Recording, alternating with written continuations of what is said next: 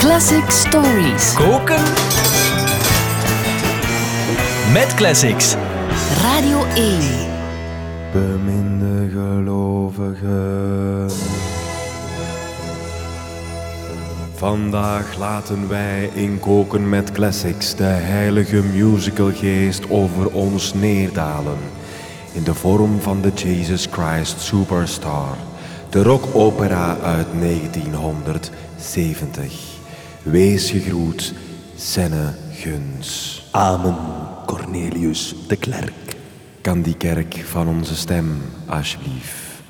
Ik moet eerlijk toegeven, Senneguns, ik heb niet waanzinnig veel met Jezus en nog veel minder met musicals. Dus ik ben razend benieuwd ehm, hoe je dit gaat klaarmaken. Ik hoop op een bedje van brood en wijn. Ja, en met veel naaste liefde ook. En ook met een kommetje Rice en Webber, een mislukte Eurosong-demo, een hostietje Bob Dylan, een sterrencast en een potteke vet, een zakske inspiratie of een pakske plagiaat en een toefke theater. We zullen beginnen met dat kommeke Rice en Webber. Jesus Christ Superstar komt uit de koker van twee mensen, Tim Rice en Andrew Lloyd Webber. Oké. Tim Rice bedenkt het verhaal en hij schrijft de teksten. Lloyd Webber doet de muziek. Jesus Christ Superstar is een van de eerste musicals die ze samen maken. Ze zijn op dat moment snotneuzen van amper 26 en 23 jaar oud. Dat is redelijk ongelooflijk. Tim Rice, die trouwens in de jaren 90 ook Aladdin en The Lion King van tekst voorzien heeft, ja, die vertelt in een interview op typisch droge Britse wijze hoe hij Andrew Lloyd Webber via een publisher ooit heeft leren kennen. I took my record uh, to a book publisher. He said, I do know a young man who's looking for a bloke to write with, and he's called Andrew Lloyd Webber. And I thought, with a name like that, he'll never make it. Um, but he said, Andrew's more interested in the theatre, but he needs a words man. And I met Andrew in his parents' flat in South Ken. And he sat down at the piano and said, Hi, my name's Andrew. And he said, I've written eight musicals, which he had. Wow, I've written eight musicals. Ja, op het moment van die ontmoeting is Andrew Lloyd Webber 17 jaar oud. Het is dus een vrij speciale kerel wel. Hij bouwde musical miniatuurtheatertjes na in zijn slaapkamer in karton. Hij groeide op in een heel muzikaal gezin, heel getalenteerd, maar vooral ook heel gedreven. Maar de eerste musical die hij en Tim Rice samen maken, die wordt niet direct opgepikt. Dus denken ze, misschien moeten we het in eerste instantie een keer over een andere boeg gooien. En ze proberen een nummer te schrijven voor het Eurovisie Songfestival van 1969 Maar dat was niet meteen een groot succes, als ik het goed begrijp. mislukt ook. Hun nummer Try It and See wordt niet geselecteerd voor de UK. Het is nogthans niet slecht, vind ik. Oh, try it and see. Won't you try it with me? You could be so good for me. I could give you energy and love for free. Voilà, volgens mij had dit heel veel kans gemaakt op het Songfestival, want amper acht jaar later wint de UK met dit nummer. Me. Pom,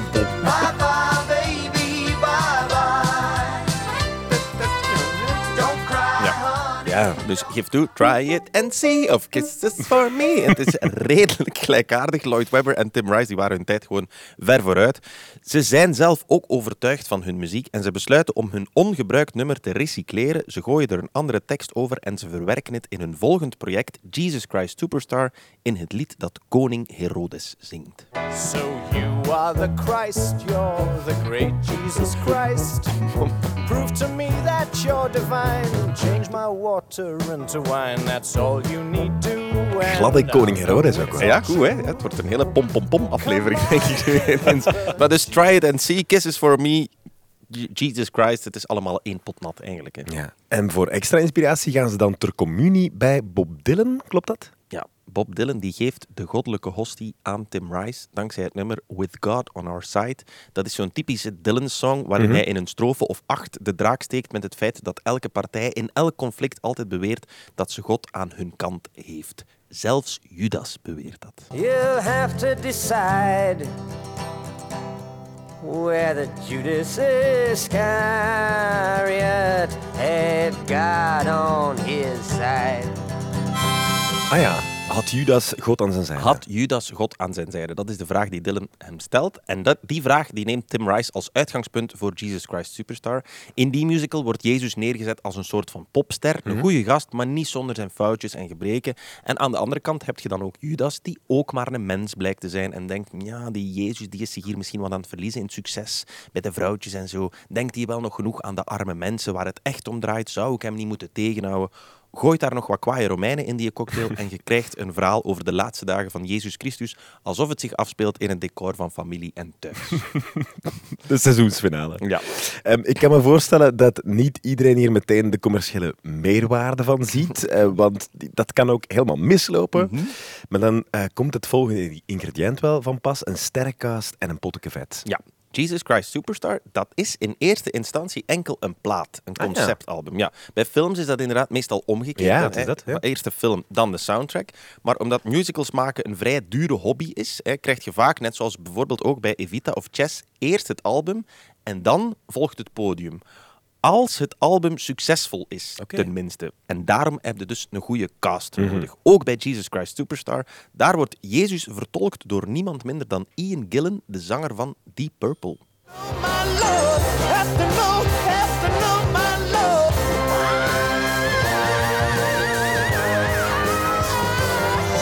Werd hij net aan het eh, kruis genageld misschien? Of hij werd in het kruis genageld. Er gebeurt ergens iets dat behoorlijk pijn doet.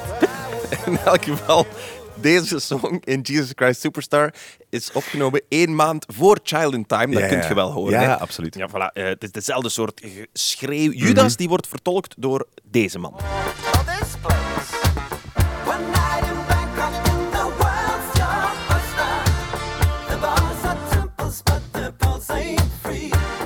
Voilà. One Night in Bangkok.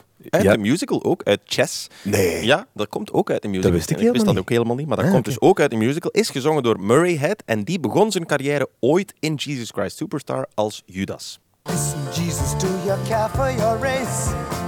Don't you see we must keep Ook in heel our place?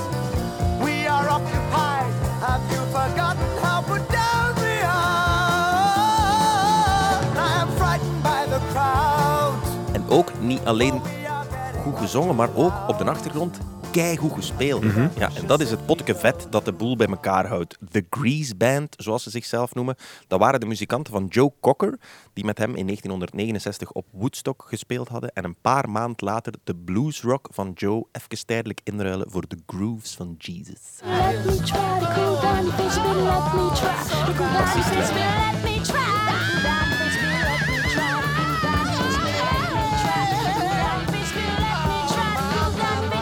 Het heeft niets te maken met de musical Grease, de Grease Band. Nee, het is echt gewoon... Oké. ja, dit komt omdat ze zo vettig speelden, Ja, als ze ja, zichzelf zo noemen. Ja. Vervolgens hebben we nodig een zakje inspiratie of een pakje plagiaat. Wat is het nu eigenlijk? Ja, dat weet ik eigenlijk ook niet, Corneel. Ah. Eh, nee, nee, sorry. Ik ben onlangs zelf een keer naar een musical gaan kijken, Mhm. de Red Star Line. Dat is behoorlijk indrukwekkend.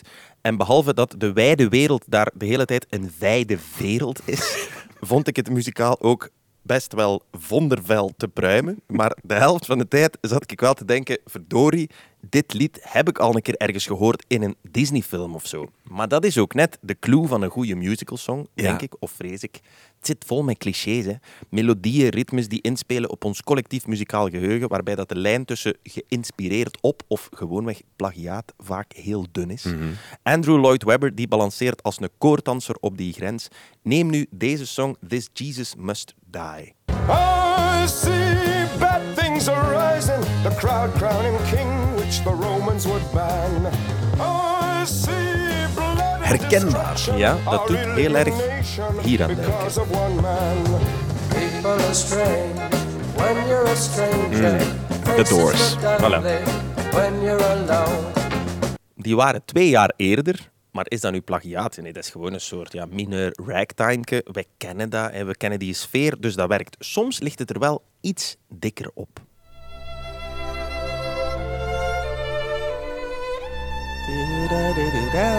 Die melodie uit het Andante in het vioolconcerto van Mendelssohn, dat lijkt wel heel erg op I Don't Know How to Love Him. I don't know how to love him. What to do? Ja, ik hoor het. Redelijk, ja. Dus eh, een van de bekendere liedjes uit Jesus Christ Superstar. Of neem nu Rosemary, een song uit 1961 van Frank Lesser.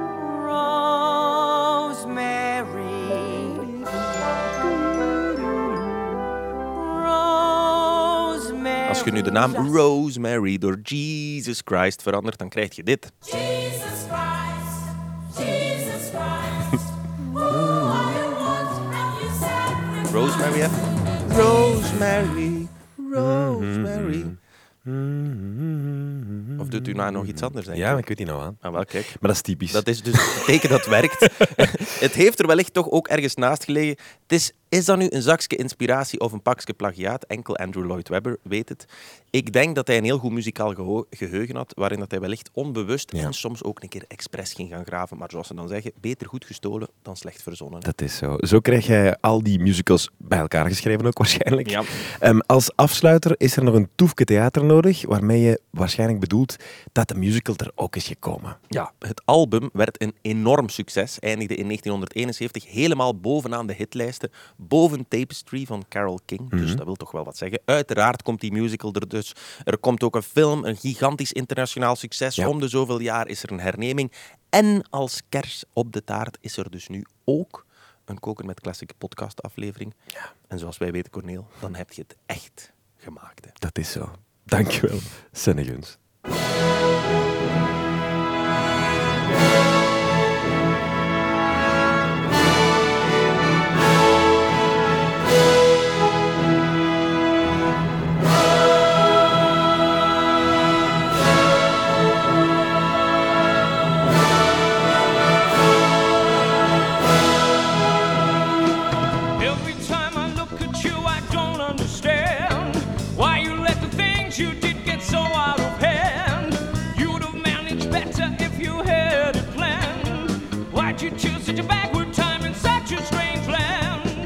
If you come today,